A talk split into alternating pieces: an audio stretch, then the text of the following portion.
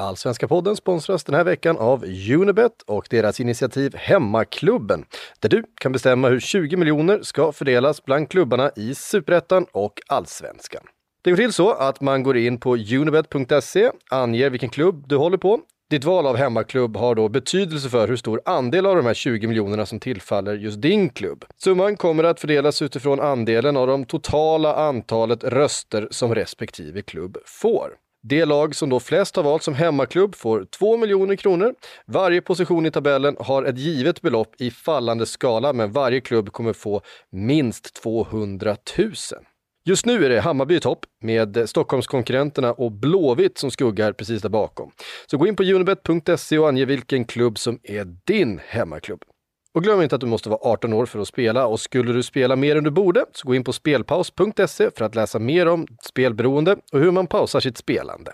Nu börjar veckans avsnitt. Du var bra i krönikan och sånt. Blåvitt har sagt 10, Djurgården och har sagt 15. Jättebra.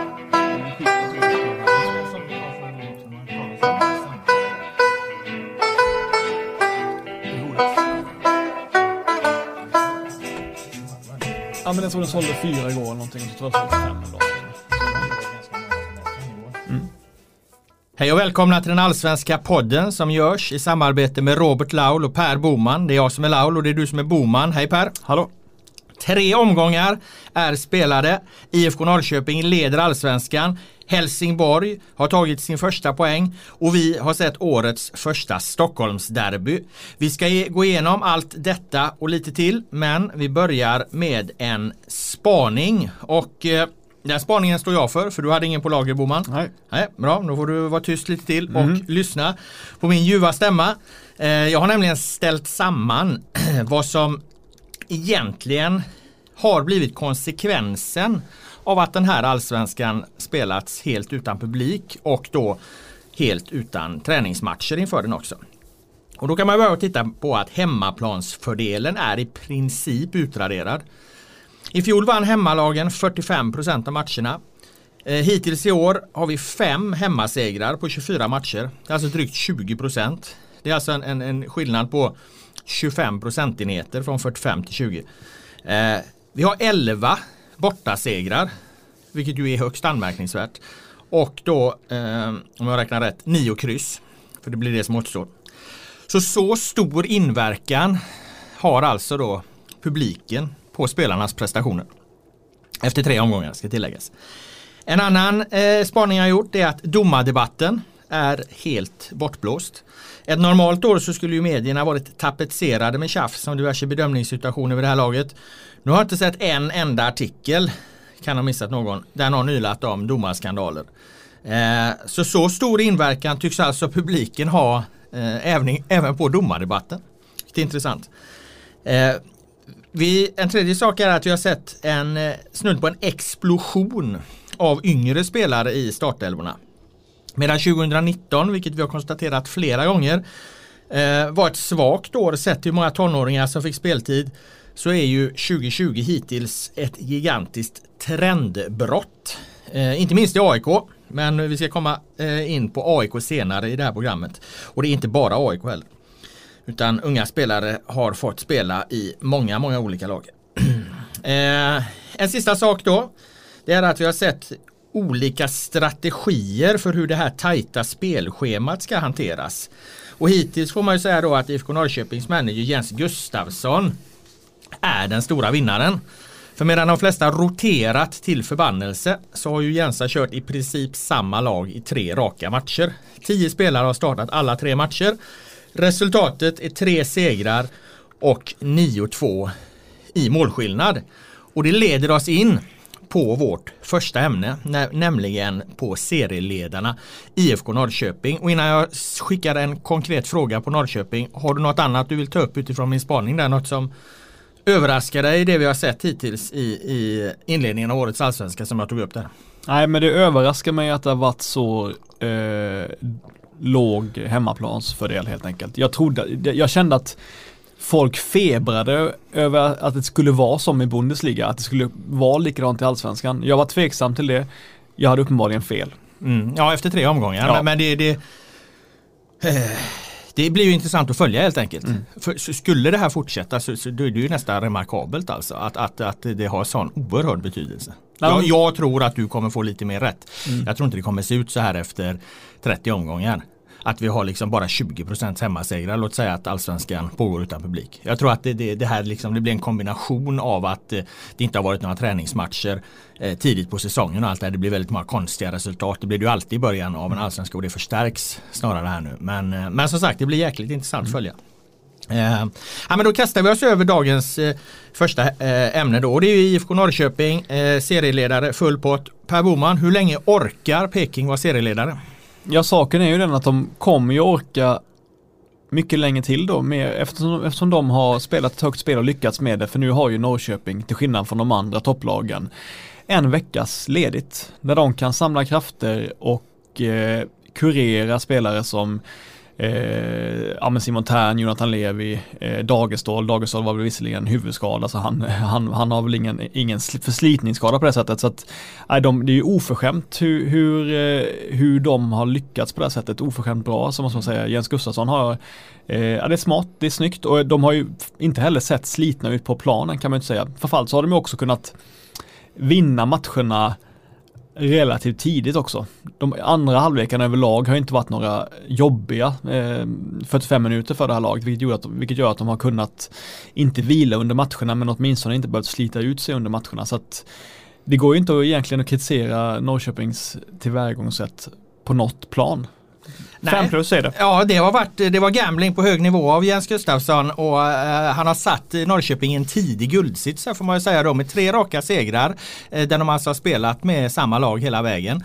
Uh, nu har de en hel vecka på sig att vila men att flera av huvudkonkurrenterna ska in i Svenska Kuppen och, och, sen så kan de eh, kliva på på en förhållandevis enkel match då mot Östersund, Östersund och bara rulla vidare på det här. Eh, det har ju fallit otroligt väl ut eh, mm. och, och, det är klart, eh, vinnaren skriver historien så man kan ju inte säga att han har haft fly, flyt Gustafsson utan han har helt enkelt valt helt rätt strategi för att gå in i den här eh, märkliga allsvenskan. Det är ju bara att konstatera. Jag såg ju Norrköping-Djurgården här och eh, Ja, ja alltså de, det som imponerade mest eh, eh, översiktligt det var att de gjorde mål på tre olika sätt skulle mm. jag säga. Eh, de gör sitt första mål på en perfekt slagen långboll av Lauritsen där Nyman bryter igenom mm. till ett friläge. De gör sitt andra mål på en fast situation, Lauritsens panna. Eh, vi ska återkomma till den. Och de gör sitt tredje mål på en snabb omställning. Det är de tre målen de gör. Ändå är det nästan det som imponerar mest på mig är deras centrala mittfält i, i, i anfallsuppbyggnaden. När Simon Tern kliver ner och liksom står och letar, får jättefina rörelser på Haksabanovic och Levi som kommer in. Eh, han hittar jätteofta den eh, eh passningen där han slår ut eh, lagdelar. Och om om motståndarna försöker plocka bort Tern, ja då kommer Smith ner, Erik Smith mm. ner, som har ju en enormt fin touch alltså. Mm. Han har ju liksom, det är lite internationell eh, Ja det är ju busket som vi pratade om förra ja, veckan. Ja, det är ju verkligen det va. Det, han, är här, han är underbar att titta på. Mm. Han kan kliva, kliva ner och skulle han också liksom bli bortplockad på något sätt, ja då kan ju även Andreas Blomqvist göra detta. Mm.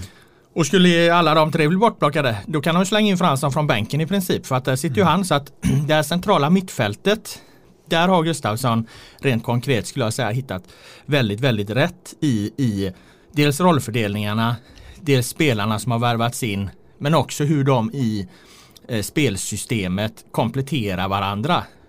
Och det var ju alltså inte mot Djurgården är det ju inte den vägen något av målen kommer. Utan de kommer på helt andra sätt. Så då får man ju addera det till att inte ens det de imponerar mest på är egentligen det de gör mål på. Så de har ju väldigt, väldigt många, för att använda en klyscha, verktyg i sin låda då.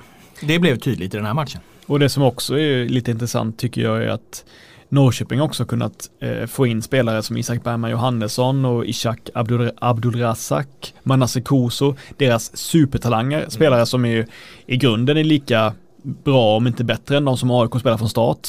De får i lugn och ro matchas in efter en timme ungefär, spela en halvtimme där, spela 40 minuter där, spela 20 minuter där. Så att jag menar det, det är som att eh, det går liksom inte Jag tror, inte, jag tror inte Norrköping skulle kunna göra någonting bättre än vad de har gjort under den här säsongsinledningen. Bergman Johannesson klev ju in liksom och såg Ja. ut som att gjort annat än att spela allsvensk fotboll. Tog ett gult kort direkt och, och, var, och var strålande alltså. Jag tyckte han, han såg fantastiskt fin ut. Det var en, det, jag skulle säga att det var en ynnest att få titta på honom i ett så här tidigt skede av hans karriär. Ja men en annan grej också, så jag menar det är klart vi, vi var ju, man har ju varit lite osäker på hur det ska funka med, med centrala anfallaren, hur det ska funka med yttrarna. Ja men Haksabanovic skrev nytt, och kommer stanna för evigt liksom, eller stanna väldigt länge i, i allsvenskan. Eh, han behöver inte spela på sin högsta nivå. Han spelar nästan på en 3 plus nivå och ändå gör han två ass per, per, per match liksom. Alltså det är klart, första matchen mot Kalmar gjorde han några exceptionella grejer. Nu spelar han liksom, ja han behöver inte gå för fullt och ändå är han totaldominant. Eh, Levi, hur bra som helst på sin andra kant, så där har de inte behövt byta så mycket. Där är det ju jättebra. Ytterbackarna, jag menar de spelar inte med naturliga ytterbackar. De spelar Lars Gerson som vänsterback, de spelar eh, Kastegren som högerback. De har varit 4 plus eh, genom hela, än så länge, första tre matcherna. De har inte jättebra alternativ där bakom, men det finns spelare liksom. Så att de har liksom löst alla de här eventuella problemen som de skulle kunna haft i, i elvan. Ja och eh, Krog Gerson gick ju dessutom in som eh, mittback, ja. när mm. Dagestål fick sin boll i skallen där och då Ja. satte de in Telo som, som ytterback och så spelade La- Lars Krog Gerson som kan spela överallt mittback. Att se.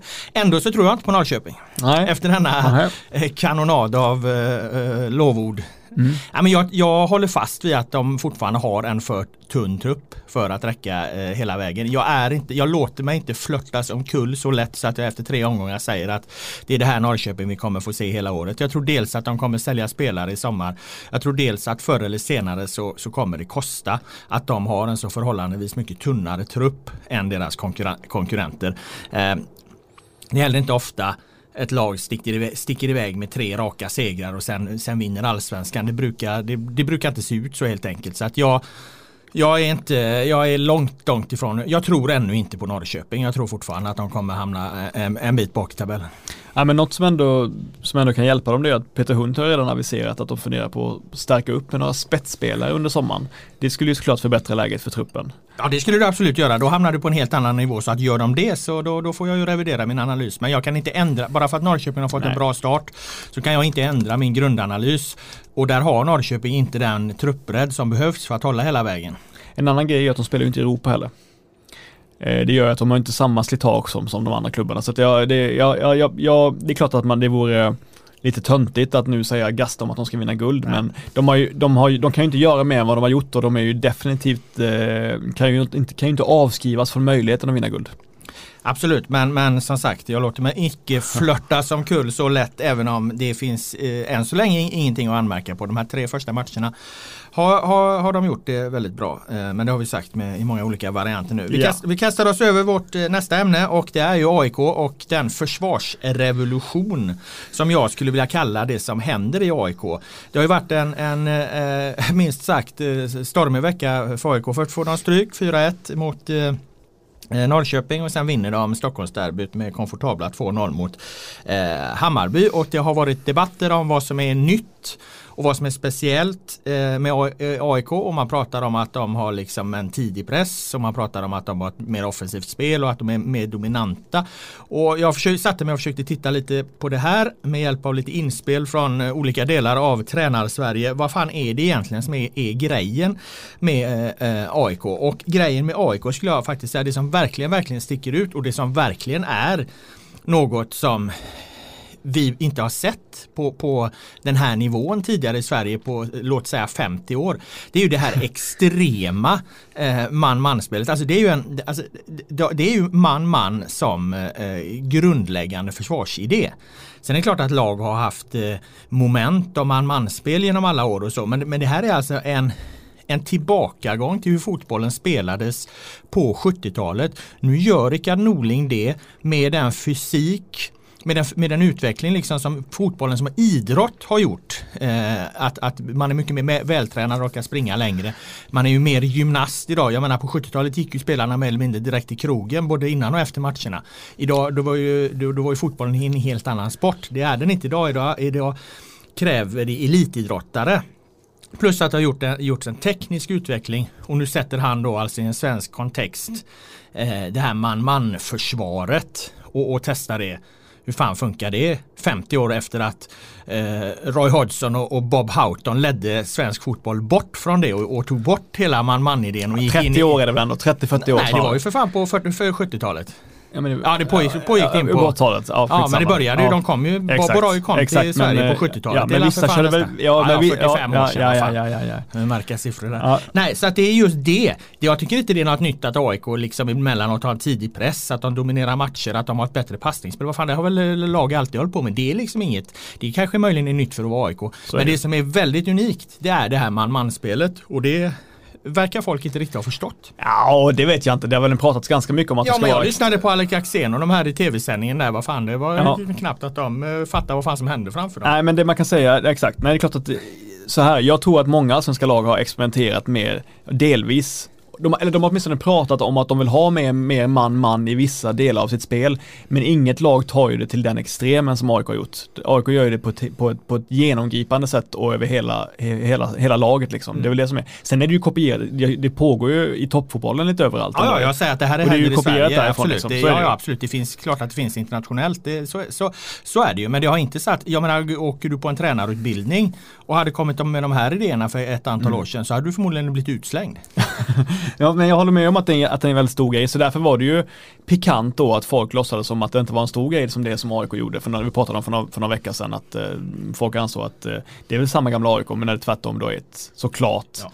Ett helt återigen, här ligger liksom ingen värdering. Kommer detta bli bra eller dåligt? Kommer AIK bli ett topplag eller kommer det gå åt helvete? Det kan man inte säga. Men, men, men det, det är, en, det är en, en, en, pro, en process här nu som pågår till att fotbollen ja, men tar ett nytt steg i sin evolution så att säga. Men det man kan säga, eh, tycker jag också är viktigt, är att ingen Ingen försvarare i allsvenskan har en svårare roll än de yttre mittbackarna i AIK. Ta en sån som Robin Tii då som får spela höger mittback mot Hammarby. Han ska dels Alltså när de, det är klart att de byter spelare mellan varandra ibland, men när han bestämmer sig för den spelaren som är hans i hans zon på något sätt, då följer han honom länge liksom länge, länge, länge följer dem var han än springer över planen nästan. Men utöver det så ska han också vara den spelare som fyller på längs hela högkanten i offensiven. Mm. Alltså det är ju en arbetsbeskrivning som är nästan omöjlig och jättesvår. Sen klarar ju inte det offensivt. Han klarar ju inte att följa hela vägen offensivt. Han klarar ju inte att vara den spelare som också ska bygga spel och slå inlägg och, och vara jättebra i det, för det kan ingen kräva av honom. Men det är ju en unikt tuff roll för de spelarna som spelar yttre mittbackar i, i AIK. Ja absolut och jag menar det är det jag menar med att det är intressant att sätta eh, den här eh, fotbollsidén i ett helt nytt sammanhang mm. när spelarna har bättre teknik över hela planen, de har bättre fysik. Eh, kan man då få en, en mycket större utväxling än man fick både på 70-talet när det här eh, zonförsvaret och pressunderstödsfotbollen eh, kvävde eh, hela man-man-idén egentligen. Det var ju en process som också mm. pågick under många år. Nej absolut, alltså, det kan man verkligen säga. Det är klart att må många vill ju glädja sig, många aik vill ju glädja sig över att, att det är unga spelare, att det är unga många unga offensivare som packas in i samma lag och som ska liksom lösa upp knutarna offensivt. Men det är ju inte den stora grejen. Det har ju folk gjort tidigare, försökt spela in många samtidigt. Den stora ja. grejen är såklart eh, det extremt aggressiva offensiva försvarsspelet, för de vann ju också boll väldigt mycket mot Hammarby tack vare den tack vare den eh, metodiken. Ja, och låt oss sömlöst mm. glida över då även på Hammarby den här matchen. För de här delarna hänger ju på sätt och vis ihop. Jag menar det är AIK som vinner det här derbyt. Eh, det är Hammarby som förlorade. Och eh, en, en, del i det är ju naturligtvis vad motståndarna gör. Och, mm. och där skulle jag vilja sätta rubriken att eh, den översmarte Stefan Billborn. Det här vill jag hävda är Stefan Billborns största taktiska fiasko eh, någonsin i karriären hittills. Jag kan inte påminna mig om, om, om att han har gått gått bort sig lika mycket. Eh, och det jag då menar eh, rent konkret eh, det, det, är ju att alltså, de möter ett AIK som rimligen borde vara lite stukat efter 1-4 mot Norrköping. Det består ju dessutom då som vi har nämnt av många unga spelare och de håller dessutom på med ett helt nytt spelsätt. Det som vilken tränare som helst kan räkna ut med röva och en krita där det är ju att mot ett sånt lag ska det blåsa direkt. Det är tidig press, full syla får det knyta sig i magen på de här unga spelarna ännu mer. Men vad gör Billborn? Ja, han backar hem. Vilket ju också är ett brott med, med hur, hur Hammarby alltid spelar. De ska, då ska de helt plötsligt göra något helt annat som inte passar i den aktuella matchen. Som inte är Bajens spel och som var helt fel mot just AIK i den aktuella situationen. Han försökte liksom vara översmart Billborn. Han var som Rickard Norling 2007. Rätta mig om jag har fel. Nej men man ska ju vara så intellektuellt hedlig också och jag tycker ju att det fanns i, te i teorin fanns det ju såklart poäng i Billborns taktik.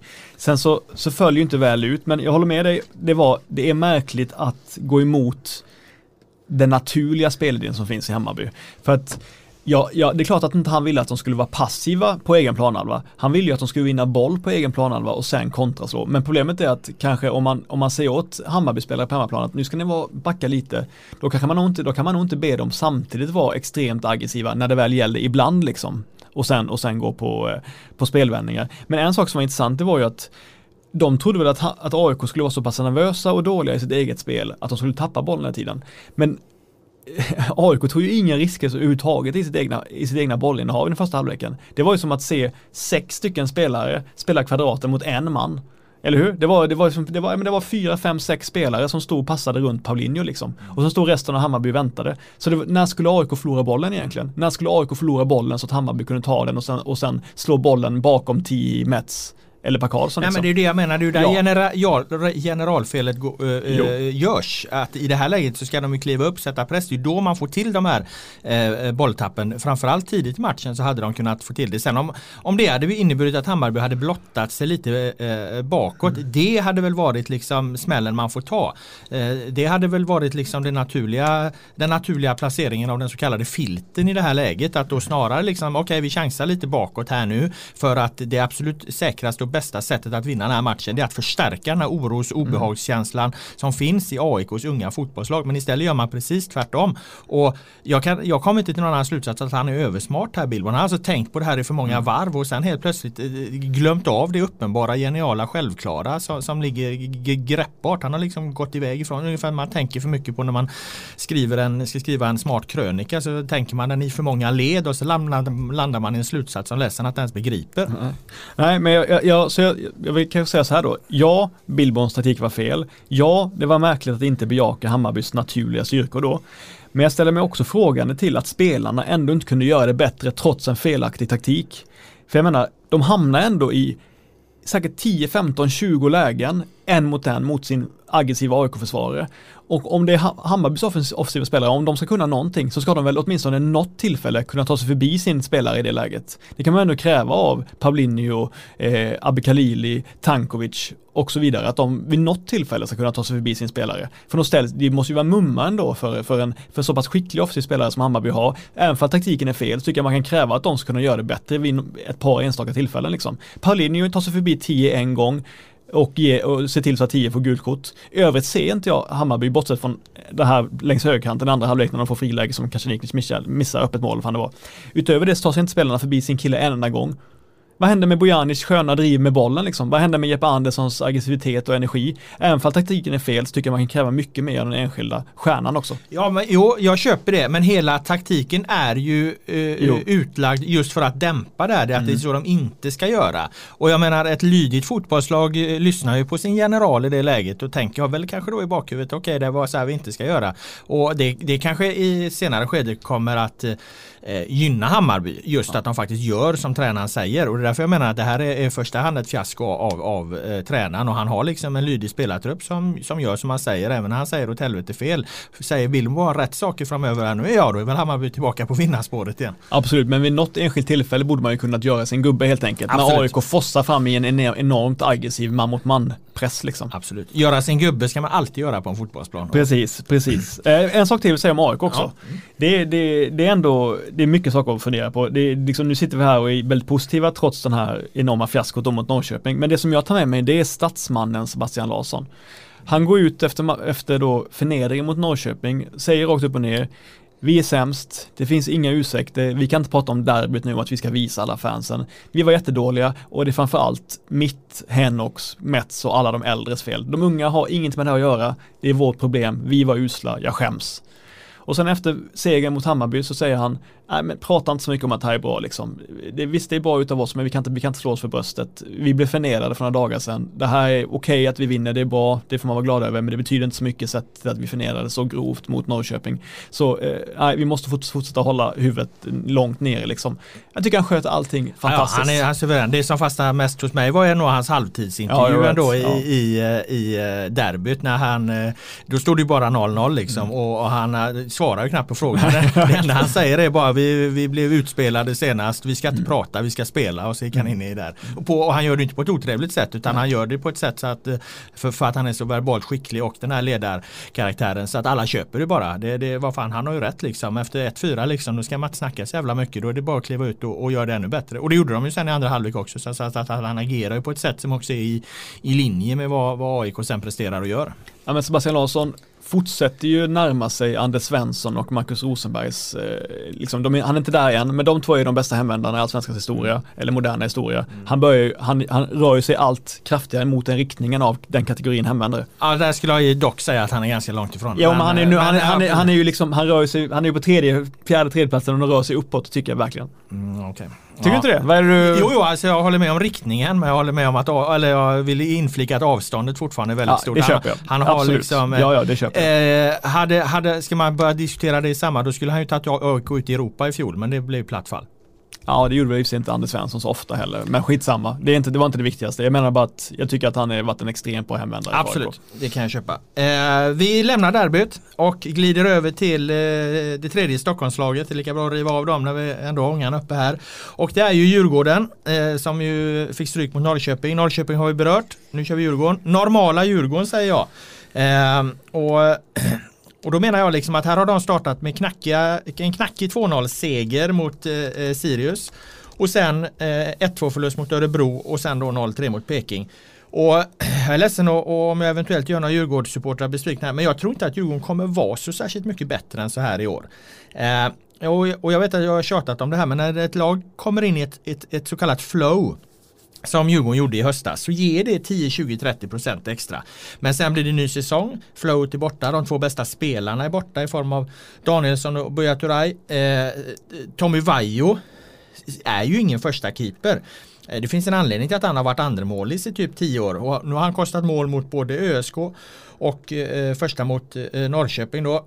Och då, då är ju liksom Djurgården någonstans ett övre mittenlag på sin höjd.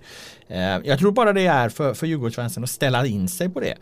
Eh, Astrid Ajdarevic blir ju inte ens inbytt i, här mot Norrköping trots att, att de har liksom fem byten att göra och, och, och så jag undrar om det finns så mycket att, att hoppas på där. Det känns ju nästan som det är troligare att Astrid blir utlånad än att han kommer göra eh, succé i Djurgården i år. Så att jag tror att det är på den nivån man får ställa in sig på att Djurgården kommer vara. Därför, därför har inte jag så mycket, jag har inte, ifall du frågar mig Ja men vad, vad gjorde Djurgården för fel då? Vad ska Djurgården göra och så? Eh, utifrån den här matchen mot Norrköping 0-3. Nej men det, det är nog på den här nivån de kommer vara. Ja, jag tror inte de kommer ligga på trettonde plats när vi summerar säsongen. Men du menar spelmässiga prestationer liksom? Nej, Alltså övre mitten är väl typ eh, 56 Ja. plats. Ja, nej men det, det, det man funderar på är väl liksom varför, eh, om man ska hitta några speltekniska tekniska detaljer då som inte fungerar, det är ju liksom ytterbackarna tycker jag var, liksom, var viktiga spelmotorer förra året. De ser helt iskalla ut med bollen. Visst, Aslak tycker jag var ganska bra, från mitt var ganska bra defensivt mot Aksa- Aksabanovic, men gör inte mycket med bollen. Check var ju en viktig spelfördelare för sin vänsterbacksposition. Det är han ju inte i det här läget. Sen är han rostig från en skada och så vidare. Erik Berg tar inte kommandot som Danielsson gjorde. Är inte den ledaren som man kan luta sig mot. Une Larsson har aldrig varit en spelare. Han har alltid varit komplementsmittbacken och tycker jag var ganska bra mot Norrköping som just komplements, komplementsmittback. Ulvestad och Karlström sjunk, hamnar alldeles för djupt. Eh, vi är sällan de connectar med den som spelar offensiv mittfältare, vilket måste vara en enormt svår roll eftersom alla misslyckas i den eh, eh, positionen. Astrid klarar inte av det, Kalle Holmberg har väl någon enstaka glimt men generellt sett lyckas inte binda ihop laget överhuvudtaget. Sen får han spela med Chilufya framför sig som jag fattat att de vill trycka ner Norrköping och så vidare men det är ju en ny position för honom. Yttrarna, ja, Bergkurt var ganska bra. Ja, faktiskt ganska bra måste jag säga, han var nog bäst i, bäst i Djurgården. Men Jonathan Ring är ju helt under isen jämfört med förra året. Eh, och det är liksom, jag vet inte, det är ju någonting som att jag tycker inte det ser ut som ett lag, Nej, ett jag ihopsatt lag nej. i pressspel eller någonting liksom. Nej. Och jag tror att det du letar efter är just det jag säger. De är inte bättre. Vissa lag är ju helt enkelt inte bättre. Vi kan sitta och prata om Elfsborg. De borde göra si och så så hade de varit ett eh, guldlag. Nej, för att Elfsborg är inte så bra. Jag tror att man måste förhålla sig till Djurgården lite på samma sätt där. Eh, de kan göra si eller de kan göra så. Men utan Danielsson, utan eh, Buya Turay, utan liksom det här flowet som de hade under hösten. När, när, då kommer de inte vara ett guldlag i år. Det, det, det, det är för otroligt att ett lag ska spela så mycket över eh, sin egentliga kapacitet som Djurgården ändå gjorde mot slutet av, eh, av 2019. Att de ska göra det igen. Det, det, går, det går liksom inte att kräva. Fotbollen är inte så. Fotbollen är mer logisk utifrån att lag kommer in i olika perioder där allting bara flyter på. Framgång föder framgång och sen nu är det ett helt nytt läge. De har dessutom blivit försvagade och då slår det eh, mycket hårdare. Eh, att man liksom inte ens hade en, en vettig förstemålvakt förra året. Inte ens det liksom stoppar stoppade Djurgården. Jag menar Rosenberg skickar straff rakt på Vaiho eh, om det var att han flyttade sig eller vad det nu berodde på. Liksom, han räddade i alla fall den här straffen. Det är egentligen det som när man räknar samman det eh, är skillnaden.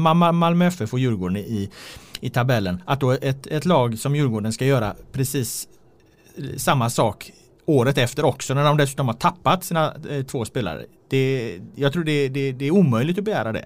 Vi kommer kunna sitta här resten av den här poddsäsongen och säga att Djurgården borde gjort si eller Djurgården borde gjort så. De kommer ändå inte komma högre upp än en femteplats i tabellen. Ja det är möjligt. Jag, jag, alltså, jag, jag, jag fastnar framförallt på att laget är för lågt och för att de inte är aggressiva som de var förra året. Jag tror att den misslyckade aggressiviteten beror på att, eh, att presspelet inte fungerar alls och att det egna passningsspelet är så jävla dåligt när de väl vinner boll. De tappar ju boll hela tiden. De gör extremt mycket tekniska enkla misstag. Det är, det är svårt att förstå när de har så fyra stycken så bollskickliga spelare i närheten av varandra. Alltså två stycken mittback som är bra med bollen och Ulvestad och Karlström. Så att ja, ja, det är ja, om man ska gå in på detaljer ja. då, då, får man ju titta på alltså att om, om om du, ska, om du ska spela med Kujovic längst fram till jo. exempel som de börjar eh, säsongen med. Ja då måste man utnyttja den styrkan som det ger.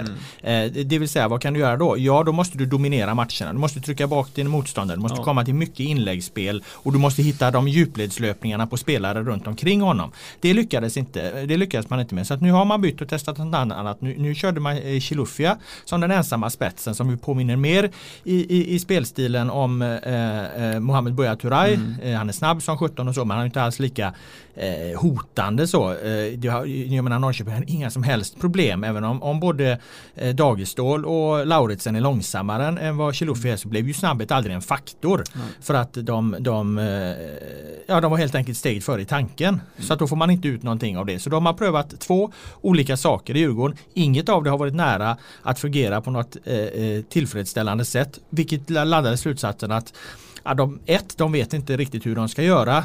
Och två, de är inte så jävla mycket bättre än så här. Nej, och det var nog rätt att testa Chilufya och Holmberg där. För vi var så, vi vet ju hur det såg ut mot Sirius mm. när, när Kujovic och, och Astrid inte fick tag i matchen överhuvudtaget och bara var stationära så inåt helvete. Jag hade velat att Djurgården skulle trott mer på den tanken de gick in i, i säsongen med egentligen. Att ha Kujovic där framme. Att försöka hitta djupledslöpningarna på spelarna runt omkring. Att försöka dominera eh, sina matcher. Att ge det, ha mer tålamod och, och mm. tro på det. För det tror jag ändå ligger närmre den här Djurgårdstruppens DNA. Sen kommer inte det heller räcka hela vägen. Det kommer inte innebära att de är med någon guldstid ändå. Men det, det, hade, det hade räckt längre tror jag att spela på det sättet än att nu redan liksom bara svaja som, som Bergstrand och Lagerlöf har gjort. Eh, vi lämnar Djurgården där och går över till Eh, Malmö FF, där har jag satt rubriken, möjligen med ett frågetecken, attitydsproblem i Malmö FF. Eh, för att det mest obegripliga resultatet, som du gärna ska få förklara sen, eh, hela den här omgången, det är ju ändå att Malmö FF spelar 2-2 hemma mot Varberg. Eh, vi snackar ju om ett lag då som har 5 miljoner på banken mot ett lag som har 500. Eh, lite spetsat möjligen men ungefär så är ju styrkeförhållandena. Det ska inte vara fysiskt möjligt även om Anders Christiansen blir utvisad för Malmö FF att inte vinna den här matchen. Eh, men det stärker mig då i den här liksom Eh, i den här eh, tidiga spaningen att det finns någon form av attitydsproblem i Malmö. Man orkar inte riktigt göra det här jobbet i allsvenskan. För jag menar det här är ju stjärnor som är ovana eller som är vana att uppträda på helt andra scener och inte liksom mot fucking Varberg inför tomma läktare. Eh, så att jag tycker att det pekar mot att det kan bli en rätt jobbig säsong för Malmö FF. Drar jag det för långt då Per Boman? Ja till 100% anser jag då. Jag tycker att det är, jag ser inget attityd attitydsproblem överhuvudtaget. Jag ser ett spelmässigt problem i så fall. Men framförallt vill jag börja med att säga så här. Eh, du säger så här, de ska vinna alldeles oavsett att Varberg är en man mer. Och det förstår inte jag, vad betyder det egentligen? När, I vilken liga, i vilket land vinner alltid ett lag som är en man mer? Eller eh, eh, alltså, en, vilket liga, vilket land vinner alltid ett storlag som är en man mindre i en timme liksom? det är väl självklart att, att det är väldigt svårt att vinna den matchen med en man mindre. och Jag förstår, ändå tycker jag att Malmö förtjänar att vinna den matchen och jag tycker att de spelar ganska bra med en man mindre. Men om man säger så här, framförallt så är MFF ganska bra innan utvisningen. De löper in mycket men bättre. svara på det bara ja. med där eftersom ja. du ändå bollar ja. tillbaka. Nej men det, det, tycker jag eftersom att dels har jag beskrivit hur den eh, skillnaden ekonomiskt och vi vet att den ekonomiska faktorn är den allra starkaste i fotbollen. Och då ska du tänka på att i den här matchen har Varberg bytt ut ja, men, nio spelare. Mm. De lirar ju för fan med division 3-spelare mm. som har det är tresiffrigt på vågen på gubbarna som sprang omkring på topp där för Varberg. Eh, och då, du, då får du tänka på att då har du inte liksom, det är inte ens Varbergs bästa spelare. Det, det, det, det står du 500 miljoner ja, med på mm. banken. Och sen har du alltså att de har ställt upp med sitt, liksom, med sitt reservlag. Ja, det är därför jag tycker det är så det, det, det, det väger jag givetvis in i. Att även om då Malmö FF får en utvisad så ska man ändå liksom eh, kunna eh, eh, besegra. Ja, yes. Jag visste att den invändningen skulle komma så här. Jag vet att Varberg gjorde runt nio förändringar då. Men Joakim Persson har sagt flera gånger i lokalpressen i intervjuer jag läst att han har en extremt jämn trupp. Att han inte ser någon jävla skillnad på sitt A-lag och sitt B-lag. Att han har 22 stycken spelare och, eh, som är ex, extremt lika kvalitetsmässigt. Och jag tror inte att Jocke Persson är typen som bara säger det för att stötta bänkspelare i reserv. Jag tror han menar det, att han har ett jämnt liksom bra superettanlag på något sätt. Så jag menar att han har 22, eh, 22 eh, stycken eh, eller 20 stycken bra superettanspelare förmodligen och sen några allsvenska liksom. Men, eh, ja, ja, ja, men då ska jag bemöta det då. För att eh, när han intervjuades efter eh, förlusten mot IFK Göteborg mm. då fick han ju frågan, ja nu har ni en tuff match mot Malmö FF här. hur tänker du inför den? Ja, nej men det är ju ingen match där man åker ner och, och hämtar poäng så det kan nog bli att vi får vila ett par gubbar här nu liksom. Det kan nog, jag vet inte om man mm. pratar om sex byten redan då i den här intervjun efteråt. Så att där var jag i alla fall tydlig med att nu handlar det om att vila de bästa spelarna och slänga ut, eh, slänga ut liksom eh, restlagret. Absolut, men jag tycker den här halleluja-känslan gentemot Varberg är rätt sjukt överdriven i relation till just den här matchen överlag. De är ju, de är, som upprätthåller det. Nej det är ju inte det, de är ju ett allsvenskt lag. Vad är det som säger att, alltså jag menar, alltså jag tycker liksom de är en man mer i en timme. Det är ju inte galet då att de tar en poäng.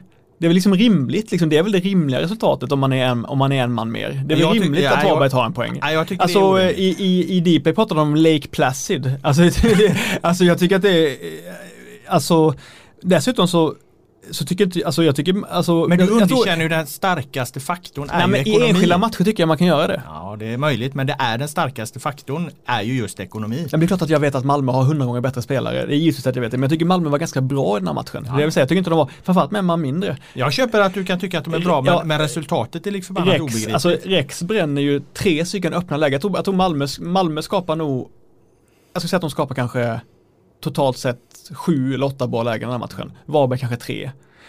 Varberg är man mer i, i en timme. Eh, det är väldigt svårt för ett lag, oavsett hur mycket, mycket favorit man är, att fortsätta, de fortsätter ha bollen hela matchen Malmö, de fortsätter pressa hela matchen och försöker eh, bygga spel och så vidare. Och skapa mycket lägen. Det är klart att de kommer åka på några långa bollar bakom. För jag menar, mittbackarna måste ju följa med högt upp om man ska fortsätta den här pressen, vinna tillbaka boll, eh, äga, äga bollinnehavet. Det är klart att de kommer åka på några bollar bakom sig då. Men det, allt de. det här sker ju i en kontext, du har ändå en, en, en förening som är så ohyggligt jo, jo. mycket, vänta, rikare än alla andra. De misslyckas 2018 med att vinna. De misslyckas 2019 med att vinna och sen kliver vi in i, i säsongen 2020 och du står fortfarande kvar här på samma, samma punkt och, och stampar som Malmö FF och inte ens klarar att besegra Varberg. Så det är klart att hade de, hade de liksom gjort eh, exakt vad de skulle eh, bakåt i åren, då hade det här kanske inte varit en diskussion. Då hade man mer sett eh, det som ett olycksfall i arbetet. Nu blir det ju i tredje omgången en rimlig fråga att väcka. Varför går det troll i det för Malmö FF? Vad beror det här på? Det är självklart, det är ju en del av prestationen att man tar en utvisning. Det är uselt gjort av en ledare, av en lagkapten, av allsvenskans bästa spelare. Mm. Att vara så impulsiv att man unnar sig att spela fult mot de här Varbergsspelarna i de här lägena. Idiotiskt gjort, jättedåligt. Och det är en del av prestationen. Så att det, det kan man inte bara, man kan, man kan inte låtsas som att det är någonting isolerat. Det är klart att det är en del av en allmän prestation. Men, men, men det är klart att det också påverkar jättemycket. Och sett till de förutsättningar Malmö fick med en man mindre så tycker inte jag att de gör en jättedålig insats i den andra halvleken eller i resten av den första halvleken. Jag tycker de gör så mycket man kan kräva nästan av ett lag med en man mindre. Och förtjänar segern tycker jag. Mm. Så att, eh, och då säger jag med all respekt mot Varberg som också gör bra utifrån sina förutsättningar. Men, men jag tycker inte att det här var en katastrof för Malmö. Jag tror att om man kollar på resultatet och på tabellen nu eh, efter de här två matcherna mot Häcken och Varberg.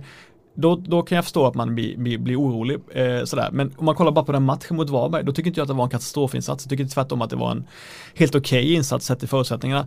Å andra sidan så satte de sig själva i pissiga förutsättningar men med det sagt resten av laget kan ju inte, kan ju inte beskyllas för det. Och det har varit en stor grej har ju varit att de skapar så lite chanser tycker man, sett i bollinnehav. Mm. Jag tycker att det fanns positiva tendenser i det här läget när Tröjsa som Rex rörde sig väldigt bra.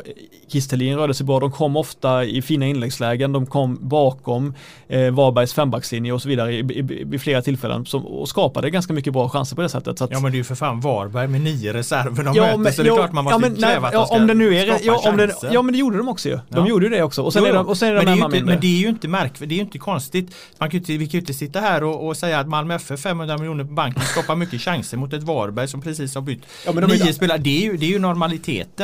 Alltså mm. det som sticker ut här är ju att de inte klarar att besegra dem och de gör det mot en, en bakgrund där de inte har lyckats vinna någonting på två år. Ja exakt. Det är ju det, det, det, det är snarare där man ska lägga nivån. Om vi inte ska kritisera Malmö FF när de lirar 2-2 hemma mot Varberg, när fan ska man göra det då? Ja men det är ointressant att göra det om man inte, om man inte, jag tycker man ska kritisera det när det är befogat men det blir inte så intressant om man bara, om man bara bestämmer sig, så nu är det så och inte försöker kolla på vad som hände i matchen liksom. Det, det, det är, klart att, det är klart att man kan säga att det är dåligt. Det är dåligt att Malmö inte eh, vinner allsvenskan varje år. Ja, det är dåligt att de inte leder tabellen nu. Ja, det är dåligt. Jag håller med om. Men om man ska försöka gå in lite närmare så tycker jag, inte, tycker jag verkligen inte att Och jag håller med om det. Jag, tycker inte det jag eh, hänger inte upp mig på att de inte har vunnit eh, allsvenskan på två år. Men däremot om man börjar se ett för långt mönster av det här. Om de inte vinner mm. i år, om de inte vinner inom fem år, om de inte vinner inom tio år. Någon gång måste man ju börja ifrågasätta vad fan är det som händer? Och då mm. menar jag att då kan 2-2 mot Varberg var en ganska bra utgångspunkt för att börja göra det här. Sen så kanske det här innebär någon form av vändning.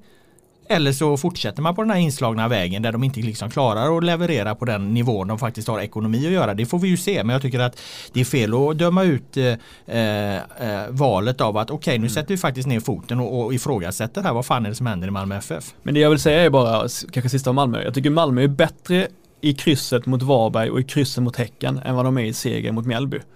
Så att jag menar, det är ju, man får, jag tycker inte man får låta resultatet styra tanken helt alltid. Nej liksom, men Malmö, Malmö FF ska ju, är ju på en nivå där de, där de, där de liksom, de kan inte eh, prata om hedersamma poängförluster. Nej. Fan vi gjorde en bra insats men inte vi får poängen med oss. Det. Grejen är ju med just med ett lag som har mycket pengar. Det är ju att kunna ta in spelarna som gör att de istället de spelar som skit men vinner sina matcher för att det är det de har betalt. Det är det liksom mm. där de spelarna de har köpt in för sin feta bankbok. Mm. Men jag men säger så här då jag är säker på att Malmö kommer vara eh, inom, all, inom kort resa sig och vara en extremt dominant kraft. Såklart, den här, den här våren. Jag ser inte, jag, ser inte jag, jag tycker inte att det finns så mycket bekymmer med det här det laget. Det finns ingen röd tråd. Eh, tycker du, du tycker inte det? Nej, jag frågade det för, jag, för det finns ingen röd tråd i att Malmö har, har svårt att leverera på Nej, den jag, tror, jag tror inte att det är, jag tror inte det kommer bli så illa. Jag tror, jag, tror att det är, jag tror att det är tillfälligheter som delvis beror på att man själv är korkad i Christiansens fall, att man har lite otur och slutar matchen mot Häcken eller backar hem sådär. Men, men insatsen mot Häcken var i stort sett bra. Insatsen med Emma Minne mot Varberg var i, i grunden ganska bra också. Det är bara det jag vill säga. Då stänger vi Malmö där och går över till IFK Göteborgs sega start. För de har ju eh, börjat säsongen med en hemmaförlust mot Elfsborg. En turlig vändning borta mot Varberg och sedan eh, en poängförlust hemma mot Mjällby. Och eh, det tycker jag också är ganska eh, anmärkningsvärt. Kanske inte, kanske inte i poängskörden som sådan eh, men, men, att, att de andra lagen som också ligger på där fyra poäng och det har gått lite upp och ner. De har haft eh, en, eh, några av de här matcherna har varit väldigt bra. Det har gått upp och ner. IFK Göteborg har varit jämndåliga. Och det är det jag reagerar på i, i Blåvitt. Att de har varit jämndåliga i alla de här tre matcherna. Eh, samtidigt som vi då har ett, ett Blåvitt som har en bra trupp. Tunn men bra och som borde brinna av att få visa alla jävlar där ute att, att, att, att de är, nu är på väg att bli en kraft att räkna med igen. Och så startar de då på det här sättet. Eh, och det har egentligen inte varit någon ordning alls i, i någon del av IFK Göteborgs spel. Eh, och deras absolut största största fel och problem då som jag beskriver som ett systemfel i en krönika det är att de har hamnat i underläge i tre raka matcher och det passar Blåvitt sällsynt illa då för att de de har liksom inget effektivt inläggsspel för de spelar egentligen inte på, på det sättet. De spelar ju mer på liksom att de ska komma liksom i snabba attacker och komma med inspel men inte liksom ett renodlat inläggsspel de har ingen direkt central genombrottskraft och de har liksom inget, eh, vilket man inte kan lita på, men, men, men eh, man kan ändå nämna det, de har liksom inget tungt distansskytte heller som skulle kunna vara ett hot då. Eh, som ju till exempel Anders Christiansen alltid är i Malmö. Där kan man ju inte lämna honom där utanför för då trär han ju upp den i bortre. Ehm, så det blev ju för, för då Blåvitt att rulla runt, runt, runt när Mjällby kunde kliva tillbaka i skyttegravarna efter sitt tidiga mål. och, och jag menar ett tag funderade jag på om Lovi trodde att vaktmästarna hade ställt målen på långsidorna då istället så som de höll på. Va? Så att, eh, ja, då, och då landar man ju där man landar i, i, i ett IFK Göteborg som inte som de andra lagen har gått upp och ner med bra och dåliga prestationer som kan vara i början av en säsong utan de har varit jämndåliga hela tiden. Men jag vill ha några, några frågor då som ja. jag har tänkt på. Jag har ju varit väldigt skeptisk till eh, Alexander Farnerud-värvningen och hans eh, förmåga att spela som ensam anfallare i Blåvitt. Mm. Nu fick han eh, chansen som ensam anfallare då. Hur gick det? Alltså jag har ingen minnesbild av att han var med på planen. Det är mitt ärliga svar. Jag kommer inte, jag, jag, jag, när, jag ser, när jag tänker på Aiesh så tänker jag på hur passiv han är vid Mjällbys första mål. Men jag tänker på hur liksom han vinner tillbaka bollen inför Blåvitts kvittering. Uh, Sargon Abraham, eh, uh, dåliga avslut uh, men kastar sig fram och kvitterar mot slutet. Uh, Bjärsmyr får kritik för första målet när det inte är hans fel utan det är ett perfekt inlägg av Löken och det är ingen press på Löken och bollen sitter över uh, Bjärsmyr och sen kliver Bjärsmyr ut som en ledare och ändå i Dplay-intervjun säger att jag tar på mig det här målet fastän det som sagt inte var hans fel. Jag har en tydlig bild av väldigt många i IFK Göteborg, många i Mjällby. Fanerud, jag minns inte någonting. Nej men det är väl ett, ett svar gott som något då eh, kring den prestationen. Ja, alltså, han, han, han var mer, han, var, han har blivit långhårig. Ja jag såg det. Jag funderar på, hade han en tofs också? Jag tror det. Ja, det är mitt minne. Eh, en annan grej som jag också tycker är intressant är ju en sån som Jakob Bergström då, Blekingesonen. Han, eh, jag har ju tänkt på målen han gjorde i Superettan innan han stack till Norge eh, förra året. Mm. Precis sådana mål precis sådana riktiga eh, center. Han är en, han är en klassisk center. Det finns inte så många sådana spelare i, i, i dagens allsvenska som är som honom. Eh, så det var ju kul att se att han, att han fick göra det målet. Det var kul att se att Löken då efter att ha skolats om till eh, en förståndig sittande mittfältare som vinner närkamper, fördelar boll, sätter passningstempo. Att gamla löken kom fram igen. Först med det här eh, 5 plus inlägget och sen med 5 plus avslutet. Alltså han har ju sån jävla högerfot alltså. Att Pendel har han, eller Ja, att göra båda dem, eh, att, att ta fram den foten i båda de tillfällena. Det, först den perfekta, det perfekta inlägget i Bergström och sedan då det kliniska avslutet. Två helt olika sorters eh, tillslag men båda exakt lika perfekta. Eh, så det var, det, det, det är klass. Det är ju ren klass. Ja den kvaliteten var ju, fanns ju inte i närheten av IFK Göteborg som, som Löken har. Ja, men det är en sorg också att Mjällby som har eh, nu, så, nu jag kan inte överdriva för jag såg faktiskt inte matchen mot Falkenberg men av det jag såg både mot Malmö och mot, eh, mot Blåvitt så känns det orättvist att de, att de inte har fler poäng än så länge. De är ett lag som förtjänar mer poäng. Ja, det kan man nog säga. Eh, jag tycker ändå de känns som ett, de känns som ett bra, gediget, rejält fotbollslag med, med kvalitet i alla lagdelar. Eh, de blir väl kanske inte riktigt så bra som vi trodde på förhand. Eh, får man väl säga efter den här starten då. Men, men däremot så, så tycker jag att det är ett bra fotbollslag. Och de har liksom en, en de har en spetskvalitet som är ganska ovanlig för nykomlingar att ha så bra fotbollsspelare som Löken som och som jag menar Batanero var ju inte på 2018 nivå och, men han var heller inte på 2019 nivå om du förstår vad jag menar. Alltså han var inte riktigt så jävla bra som han var i Sundsvall 2018. Men han var ju inte så generalusel som han var 2019 i Sundsvall heller utan han, han såg ganska intressant ut faktiskt. Gjorde ganska många bra grejer. Jag frågar om det. Ja. Vad är det som gör att Joakim Lantz inte vågar spela Batanero mot Malmö, absolut inte vågar spela honom, men som gör att han utan tvekan spela honom mot Blåvitt på bortaplan. Förstår du vad jag menar? Det är ju någonting som vet, han, Men vet vi att det beror? Ja, att det han, beror. han vågar inte spela mot Malmö för att han har inte benen, han kan inte jobba tillräckligt hårt, han, han skulle inte klara av det fysiska helt enkelt. Mm. var hans besked om Batanero eh, mot Malmö. Men när de ställs borta mot Blåvitt som ju också en tuff bortamatch så utan problem släpper han ut Batanero på planen. Vad tror du det beror på? Ja det är väl en retorisk fråga av det givetvis. Han tycker ju då att Malmö är, är så mycket starkare och att det är en matchbild som kommer passa eh, passa Mjällby så mycket sämre om, om de har eh, Batanero på planen. Han räknar väl helt enkelt med att, eh, att de kommer bli nedtryckta i skorna på ett helt annat sätt mot, eh, eh mot Malmö. Medan de mot IFK Göteborg kommer de få mycket mer fler tillfällen att föra spelet och, och, och, och, så. Och det var ju precis den, jag menar det här är helt, helt rätt då för att de har inte jättemånga anfall mot IFK Göteborg men, men de är mycket spetsigare och vassare Mjällbys anfall. Mm. Nej. Nej, det var, jag såg bara lite av den matchen men, men jag blev imponerad av det jag såg av, av Mjällby. Vad, är, vad tror du, vad behöver, vad är det viktigaste Blåvitt behöver göra för att bli ett vinnande lag? Bestämma sig tror jag. För att när, när, de, när de hamnar i det här läget att de släpper in första målet hela tiden och de är ett lag som absolut inte passar. Det är väl inget jävla lag som vill släppa in första målet givetvis. Men, men, men när de hela tiden, nu har de hamnat tre matcher i rad i att de har släppt in första målet. De får den uppförsbacken. Det passar IFK Göteborg särskilt illa av just den anledningen som jag sa att de har liksom inte det här eh, in, effektiva inläggsspelet i grunden. De har inte den genombrottskraften centralt och de har inte det här distansskyttet. Så att då måste man ju någonstans börja där liksom. Okej, vi får, vi, okay, vi har nu ägnat tre år här och, och, och, och tjafsa om våran spelidé och, och vi ska lira fin och, fotboll och så här. Men här får man ju helt enkelt titta på okay, hur undviker vi att, att släppa in det första målet hela tiden. Vi måste helt enkelt titta på eh, vad vi, vad, hur vi ska agera och uppträda i försvarsspelet. Jag menar titta på det här första målet, om man nu tjatar om det som de åker på mot Mjällby. Återigen, det är inte Bjärsmyrs fel att Löken slår ett perfekt inlägg över honom. Han är inte fel placerad Bjärsmyr. Jag menar Bergström gör en löpning bakom honom och han, han försöker hänga med den och sen är in, in, inlägget perfekt. Det som är fel det är ju att eh, eh Löken kan ta emot bollen ett par meter utanför straffområdet.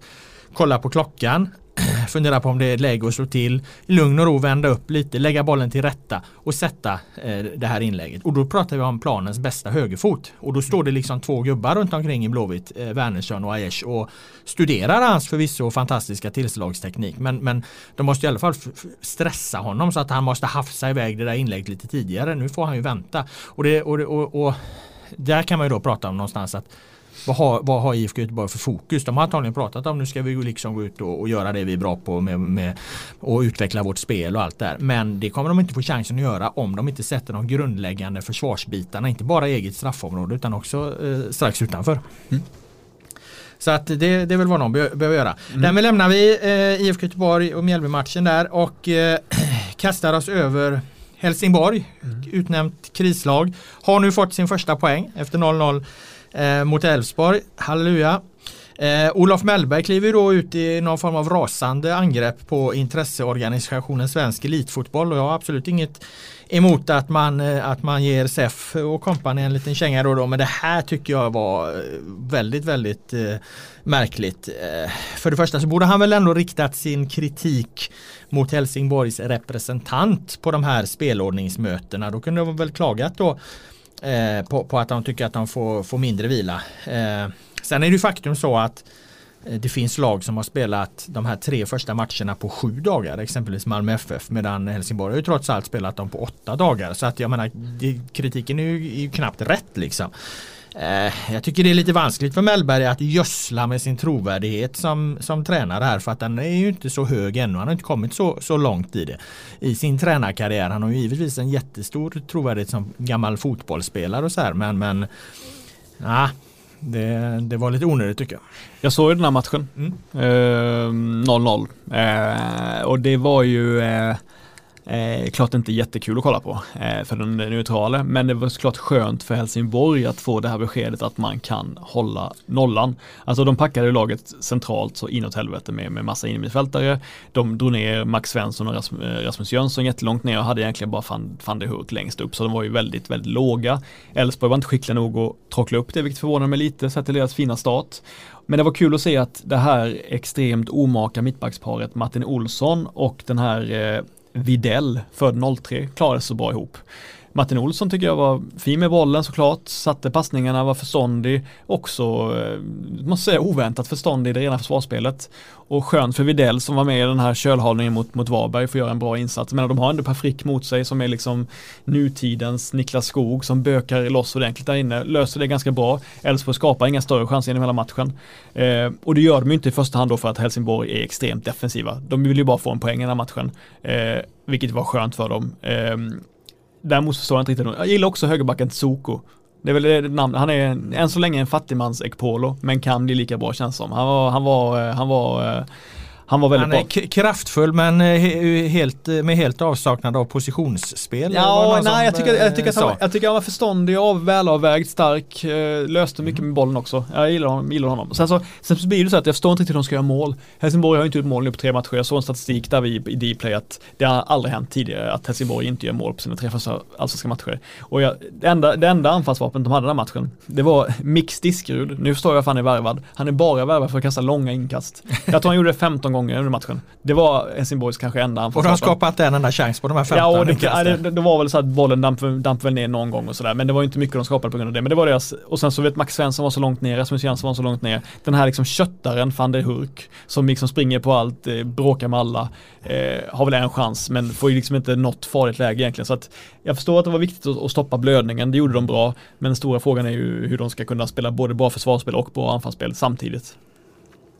Och Mellbergs eh, uttalande då? Höll du med mig eller, Ja, med, han sa- med han- mig eller emot? Han sa ju det redan innan matchen ju. Ja. Eh, Så det kändes som ett sätt att föregå. Gör det inte bättre. Nej exakt, det kändes som ett sätt att liksom skylla ifrån sig lite. Det är klart att han kan ha giltig kritik på det sättet, men jag hade nog hållit tyst med det om jag hade lett ett lag eh, till 0-7 på, två, på de två första matcherna. I ett relativt eh, snällt spelschema dessutom. De har fått ett snällt spelschema. Ja, Eh, ja, han, att, ja exakt. Han har ju dessutom han och sen har han ju fel i sak också. Så Ja. det vad jag menar är att det är ju fel på alla sätt och vis. Yes. Eh, då lämnar vi eh, Helsingborg. Vi har några läsarfrågor här. Jag slänger in en egen läsarfråga för jag har inte pratat så mycket om Häcken. Vilket är det snyggaste målet den här omgången? Är det Lökens bomb upp i, i Anestis nättak eller är det Irandusts eh, långskott från halva plan? Ja, väldigt bra, bra fråga faktiskt. Jag gillar ju det där som Erik Edman inlägget också till Jakob Bergström är ju väldigt snyggt. Mm. Så att, men jag är trots allt så att jag tycker att det är en extremt fin teknisk prestation av Iran Dust. Alltså det är, dels är det ju bra att se det, se läget. Sen är det, det fan inte lätt att sätta den. Jag menar, det är ju inte så att han, det är inte, det är inte från halva plan, det är ju 10-15 meter innan halva plan som han drar in den. Jag tycker det var, det är det snyggaste Ja, definitivt. ja, jag håller med dig. Och jag tänkte på tre saker med det målet. Ja. Det är så jävla fint när man ser reprisen och man ser Irandusts lilla lyft med ögonen när Ja. han liksom tittar upp lite där. Det är det ena som, som gör det där målet fantastiskt. Det andra är eh, att målvakten är inte jättelångt ut väl? Alltså han, Nej. alltså det, är inte det, är, han- det är ju ingen- tokplacering på honom. Det är ju jävligt modigt att skjuta eh, från det. Det är klart att det ser man att målvakten är jättelångt ut. Men jag får känslan liksom, man ser inte riktigt på bilderna där att, att när han börjar backa så han är i princip inne i straffområdet. Eh, Det är det andra. Det tredje är ju att han sitter i princip i krysset och Mm. målvakten drösar ju rakt in, in i stolpen. Så det blir ett jävligt effektfullt sånt, den typen av mål. Vi såg väl något, det var väl något liknande mål, var det inte han Piotr Johansson gjorde väl ett Jo. i Kalmar? Så, men det var ju inte alls lika, det var ju också, det var ju bra på alla sätt och vis, Mm. men, men det har ju inte de här liksom tre fantastiska beståndsdelarna då. Ja, det man vill säga om Miran Dust också, jag minns att förra säsongen så var det så här Vissa människor som sa så här, vissa, vissa tyckare som du och jag som sa så här Ja men nu är det väl skönt att se talangen Irandust inför förra året då. Nu ska han explodera liksom, han tror jag mycket på. Redan då var han en etablerad som spelare. Alltså förra året skulle Irandust dominerat fullständigt, gjort massa poäng och mål och blivit såld på sommaren. Redan förra året skulle han gjort det. Så förra året var ett misslyckande från Iran Dust. Jag, jag störde mig på att folk liksom lyfte upp honom som en spännande talang förra året. Han, han skulle varit en bärande dominant spelare i Häcken så gjorde de till ett allsvenskt guldlag. Så pass höga krav kan man ha på honom. Nu gör han mål, nu är han bra, så nu hoppas jag att han har nått den nivån som, som man kan vänta sig av honom. Så att jag tycker att det var lite för mycket klappa på huvudet på Irandus förra året på ett helt obegripligt sätt, sätt att han har varit med nu i, sen, fan 2016 typ. Och apropå laget han spelar i Häcken så eh, får man ju säga att eh, vi hade ju den där diskussionen om att vi hade Häcken hade gått lite under radarn och skulle explodera alla i ansiktet och, och, och Axén tippade om att de skulle ta guld och allt det här. Men 2-2 mot eh, Sirius eh, imponerar inte eh, ur det perspektivet i alla fall. Nej, det man kan säga igen är ju att Axel Björnström favorit från podden redan från förra året har börjat utmärkt nu med flera assist och mål. Eh, en riktigt bra wingback alltså. Han, han tar ansvar för, för defensiven men är ju hela tiden med upp, långt uppe i speluppbyggnaden och avslutar och assisterar eh, uppe mot straffområdet på offensivt. Så att han, eh, kul att han funkar. Eh, innan jag går på de läsarfrågorna Mm. då så eh, har jag min, min obligatoriska fråga som jag alltid kör och även för även Östersunds FK tog ju sin eh, första poäng via eh, oavgjort borta mot Örebro då. Åker Östersund, Sirius och ut och Helsingborg får kvala. Och eh, vad sa du, Åke Och- Östersund? Åker Östersund och Sirius ut och Helsingborg får kvala. Nej men i det här läget så vore det, vore, vore det ju vore det dumt att sätta Sirius där. Jag har ju tippat att de ska åka ur. Man ska inte ändra sig efter tre omgångar, men man har imponerat så det man sett av Sirius än så länge, så i det här läget så kan jag ju inte svara ja på den frågan. I det här läget så är det Helsingborg och ÖFK som åker ur.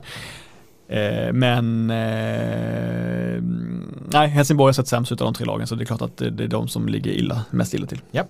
Läsarfrågor då. Eh, Rasmus Lauritsens panna ska hyllas tycker Kalle. Det är ju ett kärt ämne för podden ja, också. Ja, det är också det, är också det här med att Norrköping ska hyllas nu för sina offensiva fasta. De var ex exceptionellt bra på det redan förra året. Mm. Då var de egentligen ännu bättre för då hade de den andra också. Ja, för Kasper Larsson också, exakt. Så de gjorde ju jättemycket där också. Men det är klart att Lauritsen är imponerande för att han har alla delar av spelet. Han är ju en bra försvarare också. Han är bra i passningsspelet. Han slår den här fina bollen till Nyman. Han är bra, sidan, de är inte svåra att hitta. Eh, Smith, eh, Tern och, eh, och eh, Nej. Eh, Blomqvist. Men, men Lauritsens... Eh, Lauritsens ja, exceptionell är den. Ja, men han är inte så jävla stor. Nej, jag vet, jag vet. Det, är ju, det som är. Det är, det är han har oerhörd timing och en oerhörd spänst. Mm. Så att det är väl det där man ska hylla då. För att det är ju inte den, han är ju inte jätte, han var ju inte, han var klart mindre än Kasper Larsen till exempel.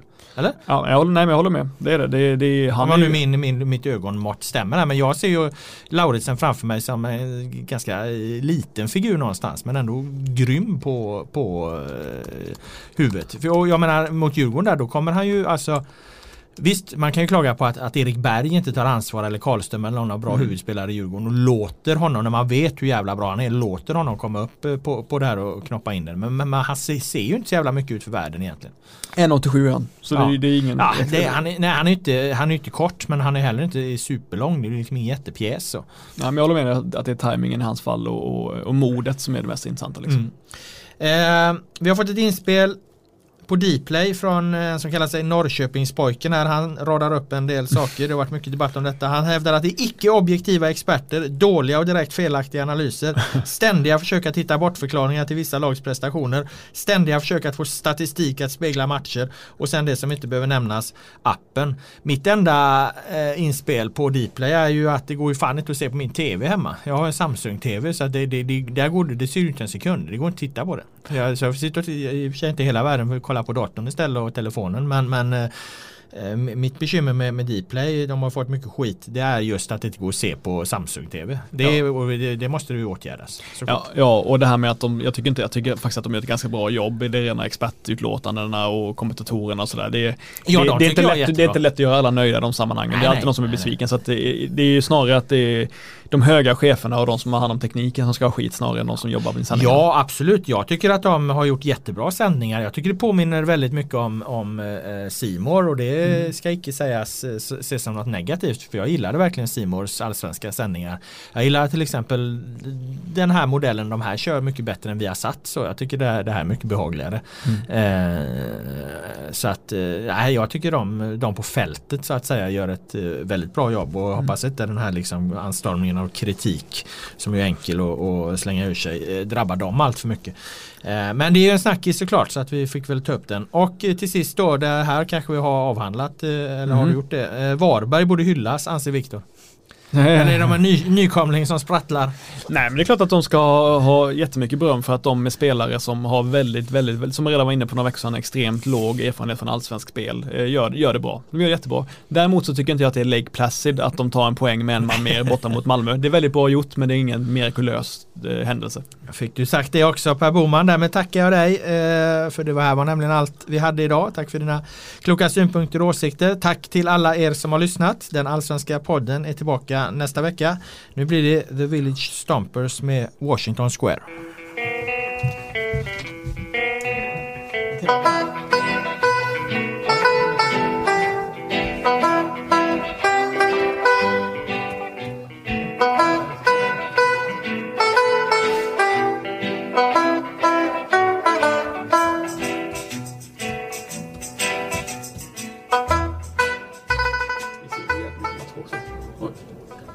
Lösenordet.